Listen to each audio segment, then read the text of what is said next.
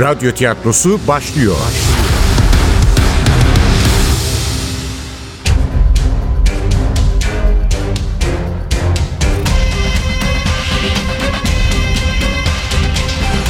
Sultanı Öldürmek 38. Bölüm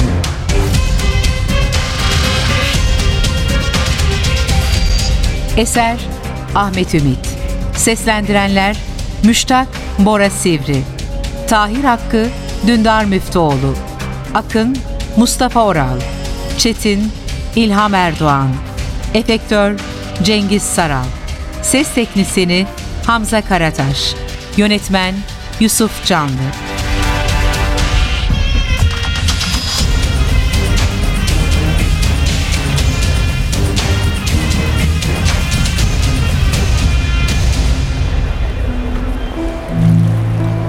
Nasıl ki Konstantinopolislilerin umudu Beyoğlu sırtlarından Kasımpaşa'ya inen gemilerin rüzgarıyla savrulup gittiyse bizim kafilenin neşesi de aynı olay nedeniyle anında yerine gelivermişti. Özellikle de bizim ihtiyar sanki gençlik aşısı olmuş gibi birden canlanmıştı. Ne Nusret'in ölümü kalmıştı aklında ne öğrencilerinin katil olma ihtimali ne de kendisinin cinayetle suçlanacağı korkusu. Kalmasın? Hiç itirazım yoktu. Hatta onu böyle coşku içinde adeta 20 yaş gençleşmiş görmek beni mutlu ederdi. Ama kendini tümüyle kuşatmanın büyüsüne kaptırıp yapmamız gereken şu önemli konuşmayı bir kez daha ertelemek zorunda kalırsak diye endişeleniyordum. Elbette tasalarım yersizdi. Kendimi duygularının akışına ancak benim gibi uymacı akıllılar kaptırırdı. Tahir Hakkı gibi adamlar Fatih'in soyundan geliyorlardı. Ne kadar heyecanlanırlarsa heyecanlansınlar, asla dirayetlerini kaybetmezler, asıl amaçlarından asla ayrılmazlardı.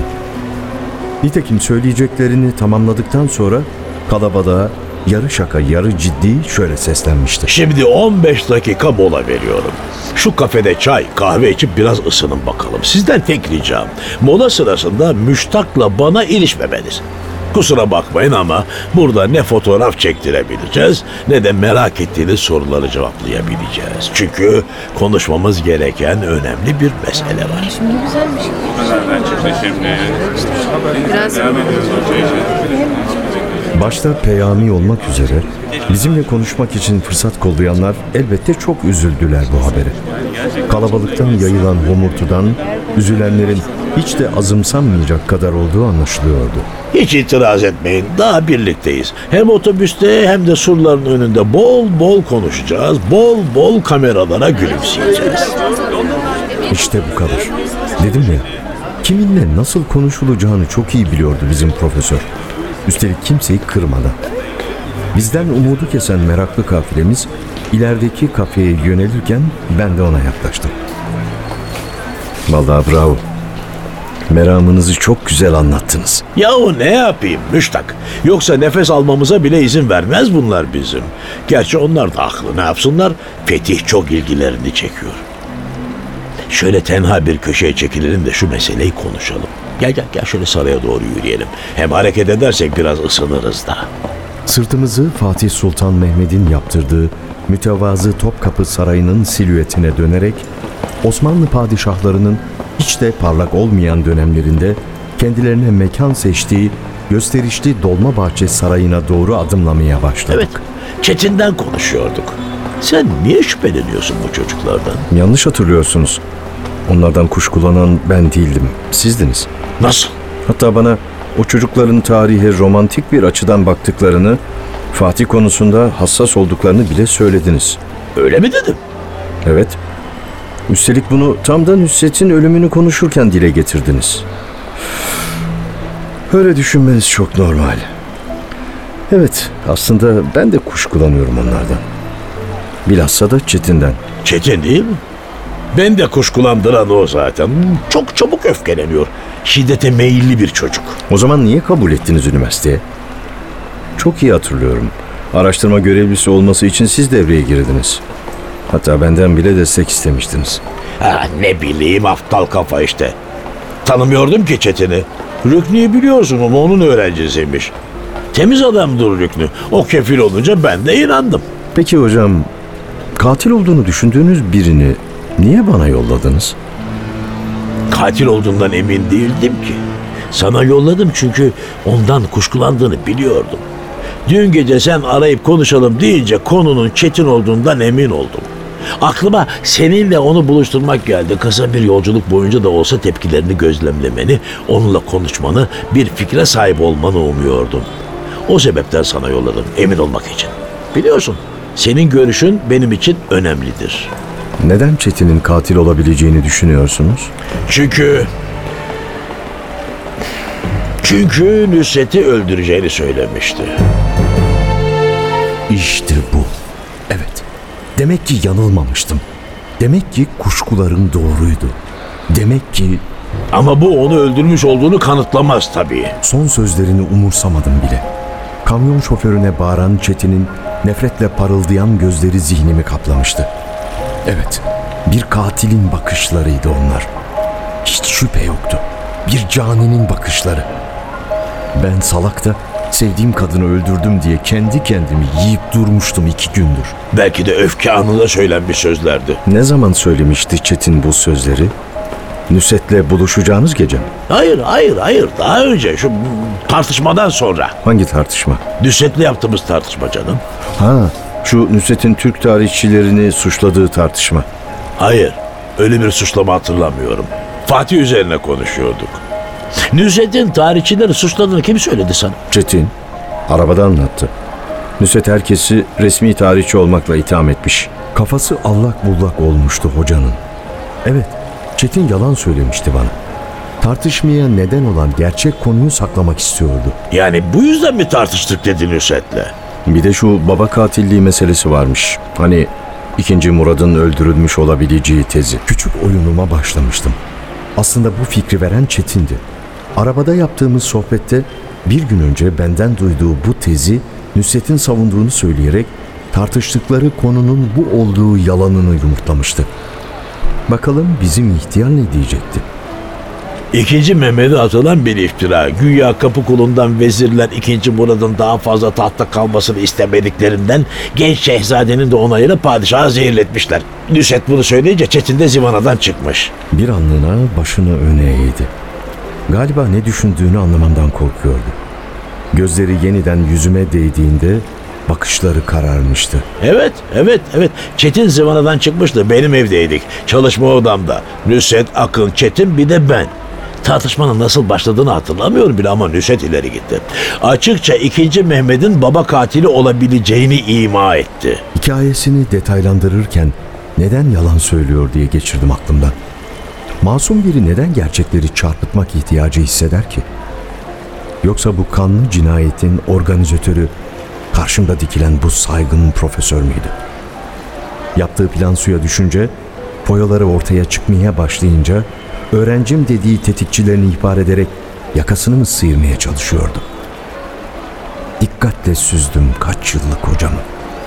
Oysa düşündüklerimden habersiz beni ikna etmek için ballandıra ballandıra yalan söylemeyi sürdürüyordu.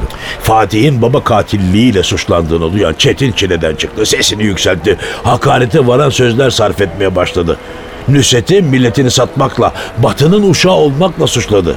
Akın dayanamadı. Biraz terbiyeli ol. Karşında bir profesör, bir kadın var. Sana ne oluyor? Akın ayağa kalkınca Çetin çocuğun suratına bir tokat indirdi. Aa, Akın'a vurdu yani.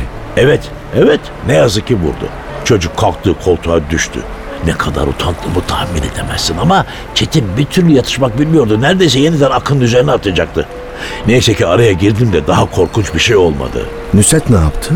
Ne yapsın? Dehşet içinde kaldı. Bir telaş toparlandı. Artık bu evde kalamayız dedi. Özürler diledim gitmemesi için yalvardım ama dinlemedi. Akın'la birlikte ayrıldı yanımızdan. Ee, iyi, iyi misiniz hocam? İyiyim, iyiyim, iyiyim. Üşüdüm birden.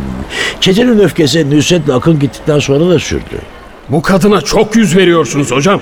Bunlar tarihçi mi, Amerikan ajanı mı belli değil. Bunlar insanı katil yapar. Masanın üzerinde duran mektup açacağı olarak kullandığım bizim Profesör Naser'in tarhından getirdiği hançeri gösterdi. Şeytan diyor al şu bıçağı, yetiş kadının ardından sapla gırtlağına. Ne? Tam tam olarak öyle mi söyledi? Sapla kadının gırtlağına mı dedi? Belki de sapla boynuna demiştir. Aynı kelimeler olmayabilir ama bu manada bir şeyler söyledi. Dün o, o başkomiser Nevzat cinayetin nasıl işlendiğini anlatınca şoka uğradım. Peki neden Nevzat'a söylemediniz? Nasıl söyleyeyim Müştak Çetin benim öğrencim. Üstelik suçlu olduğu kesin de değil. Benimki sadece bir kuşku. Seninki de öyle. Emin miyiz katil olduğundan? Birkaç saat önce emin değildim ama şimdi... Üstelik Çetin'in katil olması bütün sorunlarımı çözüyordu. Tabii Nusret'i kaybettikten sonra hayatıma nasıl devam edebilirdim sorusu hariç. O sebepten Çetin'i sana yolladım çünkü bir karara varamıyordum. Belki sen Evet, ben karara vardım. Çetin suçlu demek geçti içimden. Eğer hocanın samimi olduğuna inanabilsem, bunu söylemekte bir an bile tereddüt etmezdim. Gelin görün ki neler döndüğünden hala emin değildim. Ben de bir karara varamadım. Çetin'in tarihe bakışını biliyorum. Evet, öfkeli, gergin hatta açıkça saldırgan bir çocuk. Ama onu cinayetle suçlamak için daha fazlasına ihtiyacımız var. aslında bir şey daha var. Nusret'in öldürüldüğü akşam. Hatırlar mısın? Seninle de telefonda konuşmuştuk. Henüz olaydan haberdar değildik. Ben kaygılanmaya başlamıştım. Gidip Nusret'e bakması için Çetin'i aramıştım. Taksim'de bir seminere katılacaktı. Cep telefonu kapalıydı. Oysa seminer çoktan bitmiş olmalıydı. Acaba evine mi gitti diye sabit telefondan aradım. Yine cevap vermedi. Akşam defalarca ev telefonundan aradım. Açılmadı. Ertesi gün nerede olduğunu sorunca da eve gittim dedi. Evden de aradım deyince belki telefonun sesini kısmışızdır dedi. Emin olmak zor ama bana yalan söylüyor gibi geldi. Yani cinayet saatinde nerede olduğunu gizlemeye mi çalışıyordu? Olabilir bilmiyorum. Olmayabilir de. Diyorum ya Çetin'i suçlamak için yeterli delil yok elimizde. Yalnızca şüpheler. Bu durumda onu polise vermek acımasızlık olur. Yine de olanları başkomiser Nevzat'ın bilmesi gerekir. Evet hocam, bu işten kurtuluş yok. Olaya ait bütün bilgiler Nevzat'ta. Belki de Çetin hakkında söyleyeceklerimiz eksik olan bir parçayı tamamlayacak. Böylece fotoğrafın bütünü ortaya çıkacak. Katil Çetin değilse bile bu bilgiler bizi gerçek faile yaklaştıracak. Bilmiyorum. Bilmiyorum Müştak. Hiç yoktan ateşe atmayalım çocukları. Çocukları? Yani Çetin bu işte yalnız değil diyorsunuz. Öyle değil mi? Tek başına bu işi yapması biraz zor. Tabii o yaptıysa. Hayır. Artık rol yapmıyordu. Ama şu tartışma konusu hakkında niye yalan söylemişti? Çetin'in katil olabileceğini açıkça dile getirdiğine göre kimi korumaya çalışıyordu?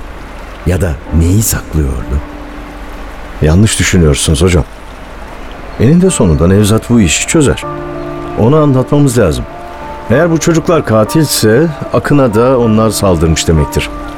Onun ölmediğini öğrenince yeniden deneyeceklerdir. Sadece Akın'la kalsa iyi. Belki sıra bana gelecek. Size bile saldırabilirler. Bana mı?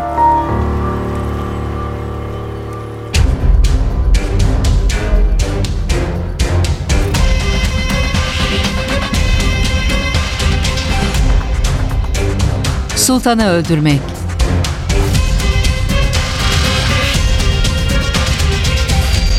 Eser Ahmet Ümit.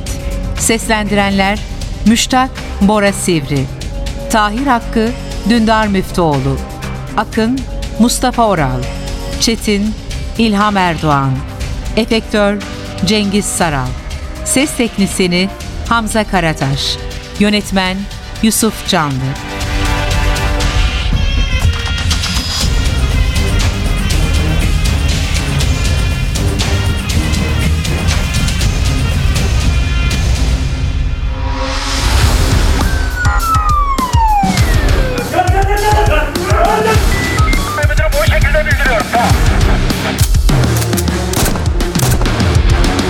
Radyo tiyatrosu sona erdi.